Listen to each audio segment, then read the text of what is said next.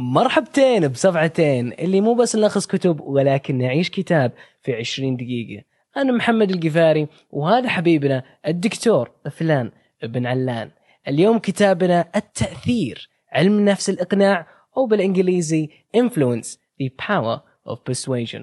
بسم الله وخلنا نبدأ. ركزوا معي يا جماعة الخير. اسم المؤلف روبرت كيالديني وألف هذا الكتاب لسبب واحد.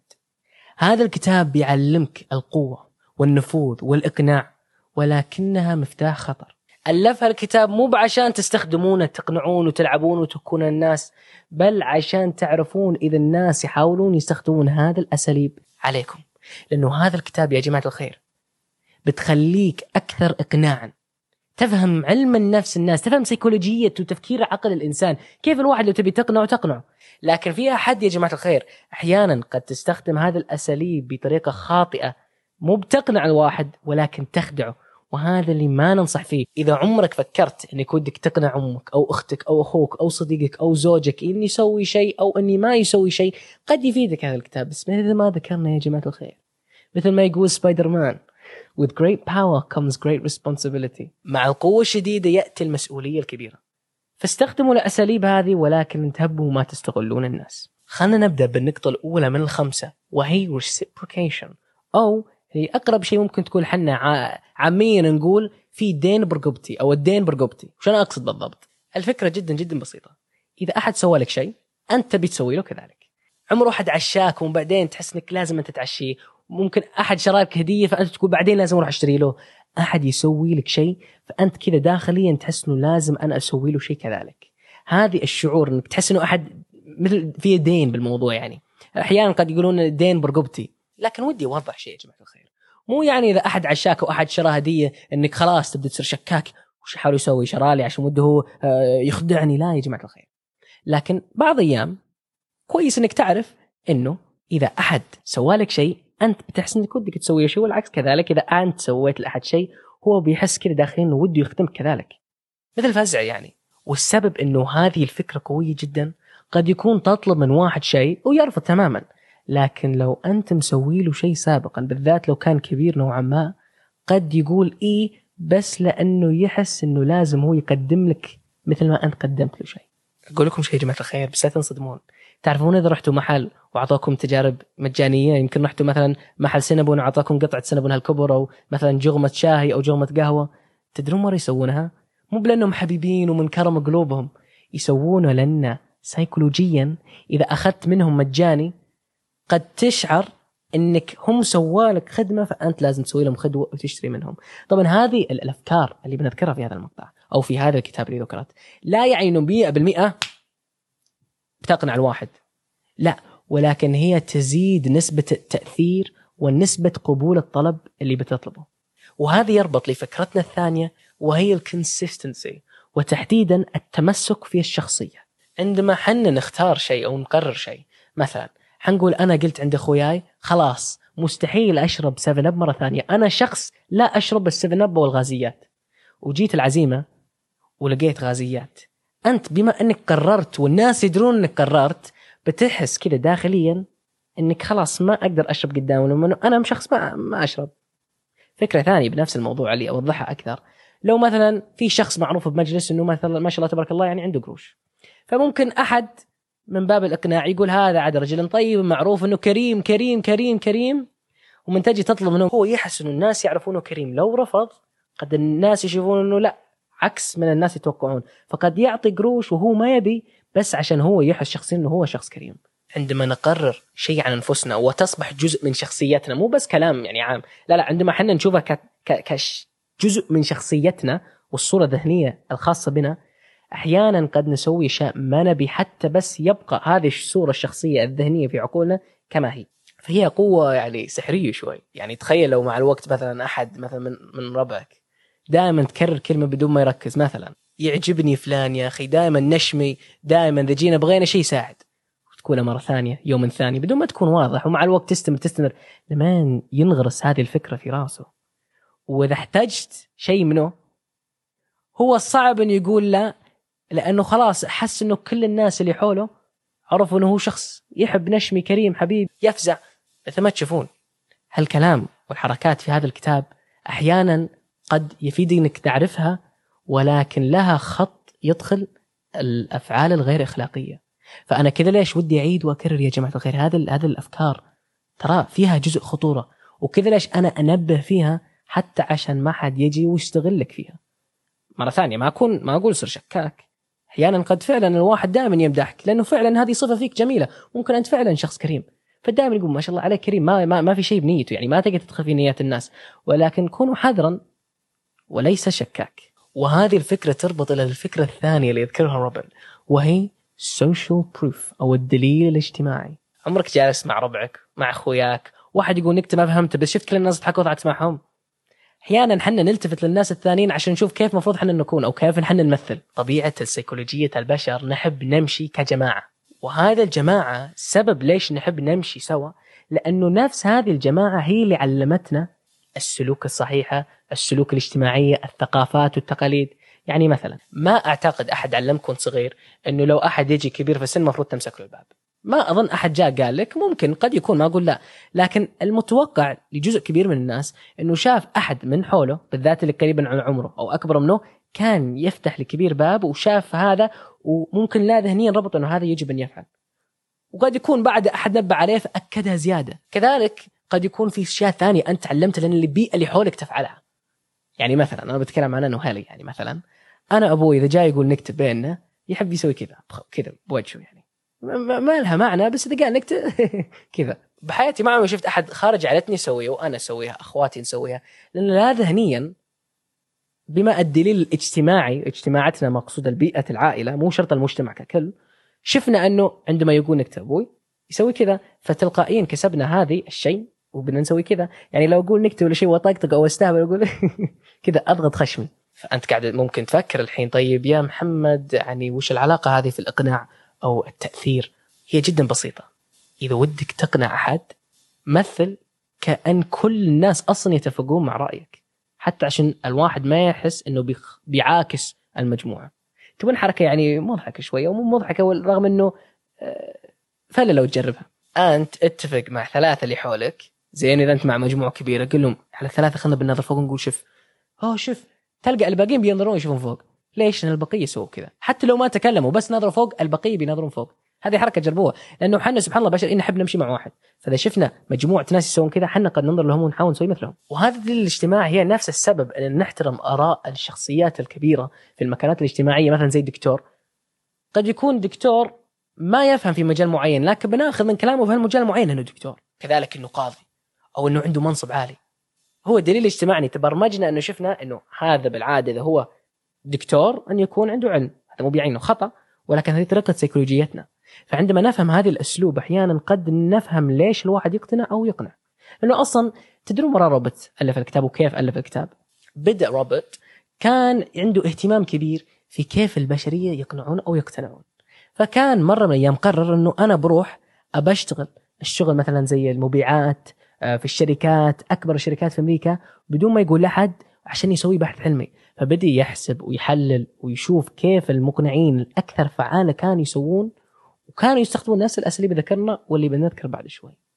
فهي طريقية إنك تفهم كيف الناس يقنعون، كيف أنت ممكن تقنع أفضل وكيف تنتبه لو أحد يخدعك أكثر مما إنه يقنع. لأنه النقطة الرابعة اللي إحنا بنتكلم فيها هي عن المحبة.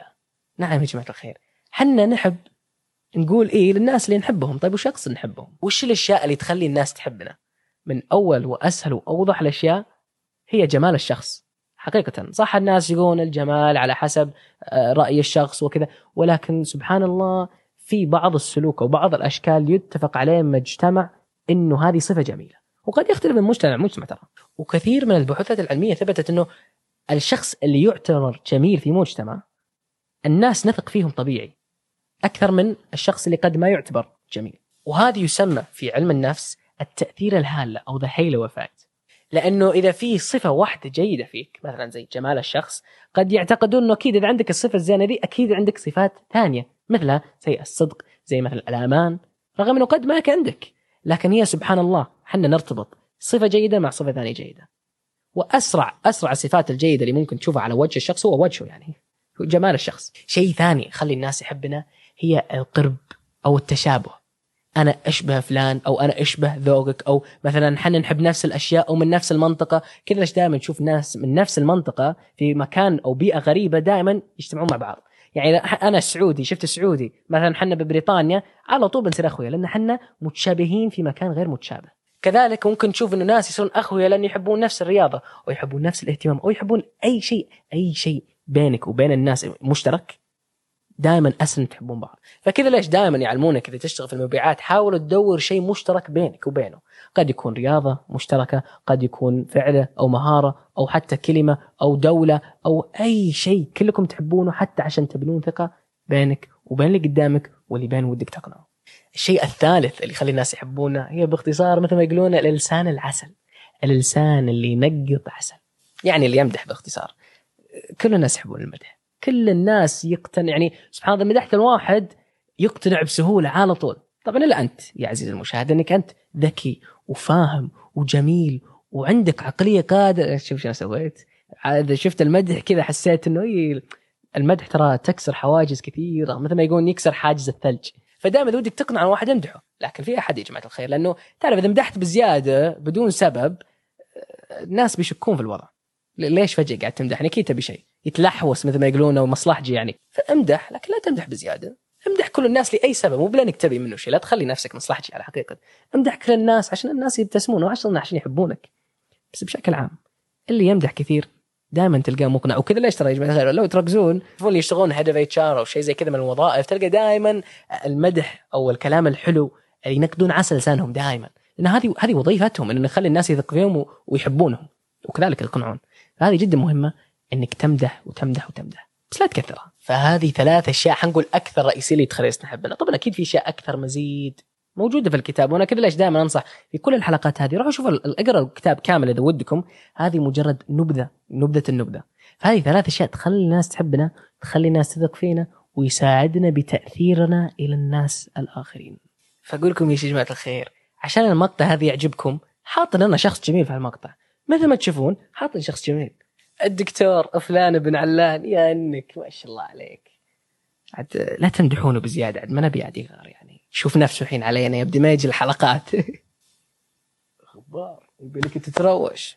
لكن خلينا نروح إلى النقطة الأخيرة وهي النقطة الخامسة وهي سكاسيتي أو التعطش.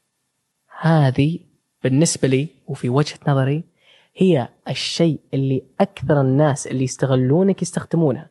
من الأشخاص والشركات تحديدا. وهي شيء تقدر تستخدمه ولكن انتبه. انتبه انتبه انتبه. وش التعطش؟ التعطش عندما تخلي أنت أو أي شيء صعب الوصول عليه. ليش التعطش مؤثر؟ لأنه اللي متعطش اللي مو موجود دائما يعتبر نادر. وحنا سبحان الله طبيعة البشر نحب الأشياء النادرة. كذا ليش دائما تلقوا ناس يجمعون التراث أو يجمعون أشياء نادرة ساعات نادرة ملابس نادرة؟ أحيانا قد يكون ما لها قيمة حقيقية لكن إحنا إحنا طبيعة البشر نحب النادر. ترى هذا السبب إنه يشتغل الخصومات. تشوف الخصومات آه، اللي تجي فترة بسيطة أنت تحس كذا داخليا إنه لازم لازم لازم أروح اشتري بالخصم الحين حتى لو أنا ممكن ما أحتاج المنتج. يعني مثلا أنا عندي جوال حلو؟ أنا ممكن ما أحتاج جوال جديد. لكن شفت في الحين جوال على خصم خصم الحين يمكن يروح الخصم. تشوف إنه تحس في تعطش ممكن الخصم ينتهي فتروح تشتري. صح إنه ارخص لكن أنت ما كان عندك نية تشتري في البداية. ولا بعد ازودكم شيء. في حركة وسخة وسخة وسخة اللي يسوونها ترى.